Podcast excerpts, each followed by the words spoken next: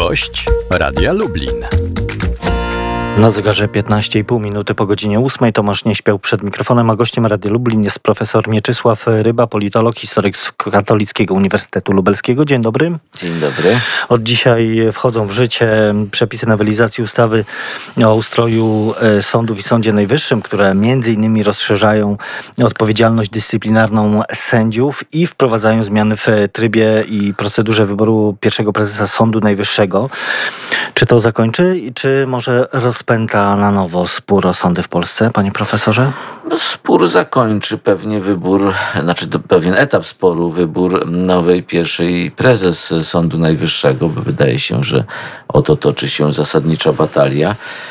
Natomiast porządkowanie tego sądownictwa rzeczywiście to jest jeszcze pewien czas, bo pamiętajmy, że batalia o jego kształt, czy w ogóle o tę reformę, przeniosła się na grunt europejski i tam e, ona się odbywa, no ale mm, no, jakiś etap to jest z pewnością istotny bo pamiętajmy, że jesteśmy czy żyjemy w pewnym poszerzającym się chaosie sądowym. Ale z drugiej strony mamy też towarzyszącą temu chaosowi e, podwójną narrację. Z jednej strony mówi e, Prawo i Sprawiedliwość, że to jest kwestia elementarnej sprawiedliwości, z drugiej strony, jak przekonuje opozycja, jest to bój o przejęcie e, Sądu Najwyższego. No mój Boże, a ten Sąd Najwyższy, który w tej chwili jest czy ta pierwsza prezes to jest przejęta, czy nie. I przez, y, w sensie jakimś ideowym, jakimś, jakichś powiązań politycznych, czy, czy, czy sympatii, to przecież to widać namacalnie. Zresztą sposób działania mm, Sądu Najwyższego przy tej jego uchwale, która ni mniej, ni więcej tylko delegalizowała mm, całą gamę sędziów powołanych przez obecnego prezydenta, no to moim zdaniem jest y, taki skandal i chaos tak niewyobrażalny, o skutkach daleko wykraczających nawet poza e, tę współczesność, że no bez uporządkowania tego przez ustawodawcę no mielibyśmy z niczym innym do czynienia tylko z tym chaosem i z pewną swoistą sędziokracją, ale gdyby to jeszcze była taka dyktatura sędziowska, że ona jakoś coś porządkuje, a nie tylko generuje nowe e, pokłady chaosu, to można by sobie było powiedzieć, no cóż, niech rządzą sędziowie. Wybory nie mają sensu, oni się sami wybiorą. Unia Europejska to przyklepie i mamy państwo jakoś tam dyktatorskie, ale, ale przynajmniej jest porządek. A tak to tylko się to mnożyło w sposób niewyobrażalny. No i pytanie jest, kto ma prawo do uporządkowania tej rzeczywistości. I są dwie, dwa stanowiska. Jedno mówi, że suweren, czyli naród. Poprzez co? Poprzez wybór swoich przedstawicieli.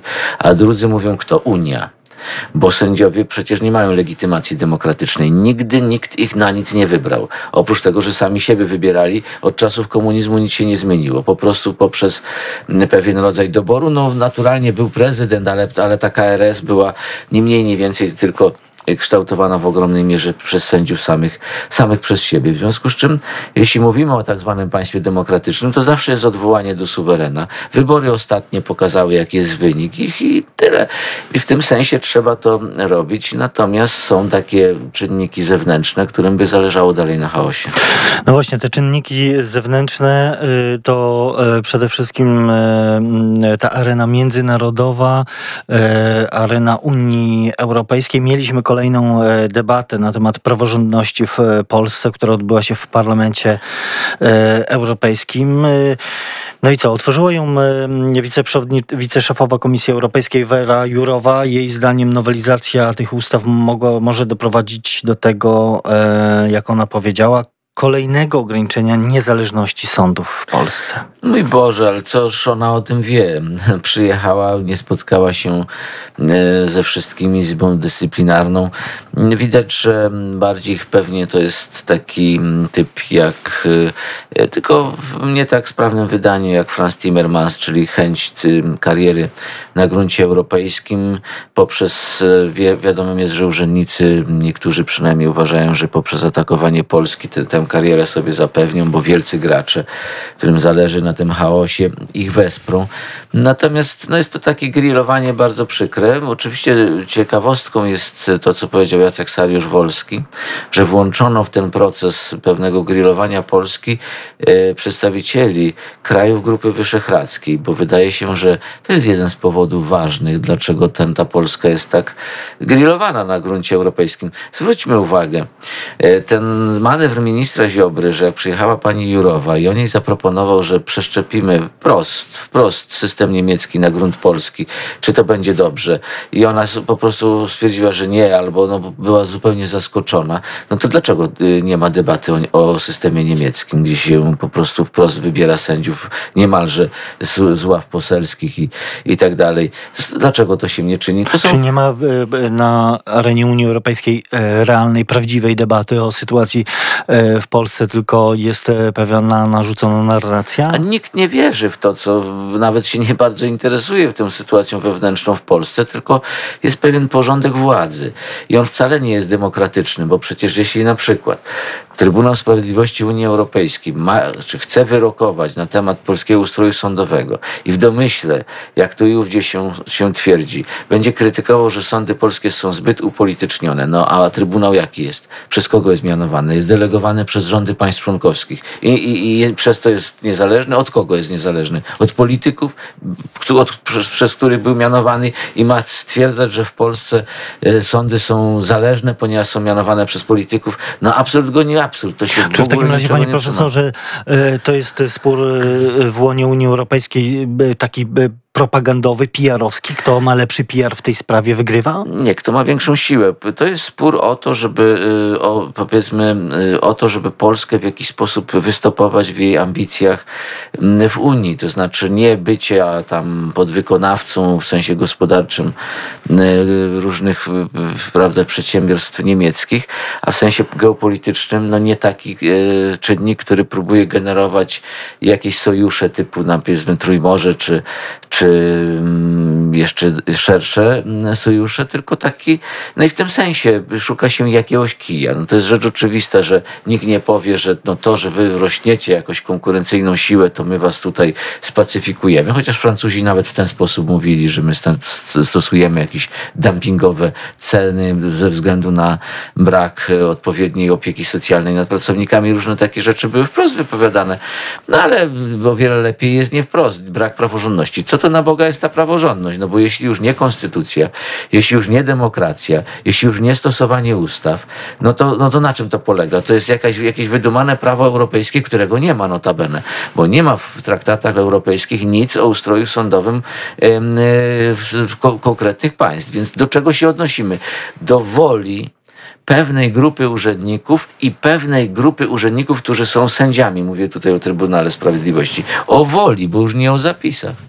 E, to zmieńmy temat i e, przenieśmy się na grunt krajowy. W sobotę odbędzie się konwencja prezydenta, kandydata na prezydenta Andrzeja Dudy. Wcześniej Prawo i Sprawiedliwość e, poprze, bo tutaj niespodzianki nie będzie w, w takim politycznym znaczeniu, poprze tę kandydaturę. Czego się należy spodziewać po tej konwencji? Czy to będzie taki jakieś przełomowe przemówienie Andrzeja Dudy?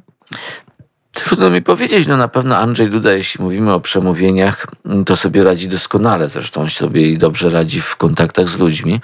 Tak, ale to musi być inauguracyjne przemówienie, które tak. w jakiś sposób wyznaczy e, pewien ton e, jego kampanii na te trzy miesiące. No z pewnością, natomiast wydaje mi się, że to może się, czy w jakiś sposób na pewno łączy się z tym, o czym mówiliśmy przed chwilą, bo to nie jest moim zdaniem przypadek, że te wszystkie kwestie sporne, sądowe są na wokandzie europejskiej mniej więcej w tym czasie, kiedy my mamy wybory, a mieliśmy przynajmniej y, teraz trzecie z kolei, czy, czy czwarte licząc samorządowe, więc w tym względzie Andrzej Duda od jakiegoś czasu idzie tym tonem suwerenności państwa, bo to jest też spór wewnętrzny w Polsce.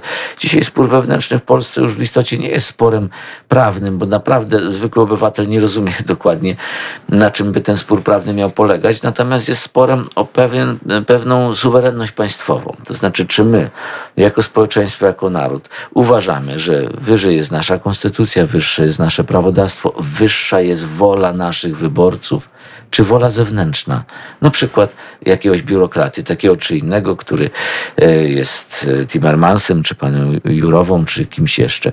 I Andrzej Duda już w tym duchu się mniej więcej wypowiadał. Znaczy, pytanie, czy to zaostrzenie także kursu i wypowiadania się e, w ostatnich tygodniach właśnie na temat reformy sądownictwa przez prezydenta Dudę bardziej mu przysporzy zwolenników, czy jednak przeciwników? No, od, od tego trudno uciec. To się rozstrzygnie w czasie wyborów.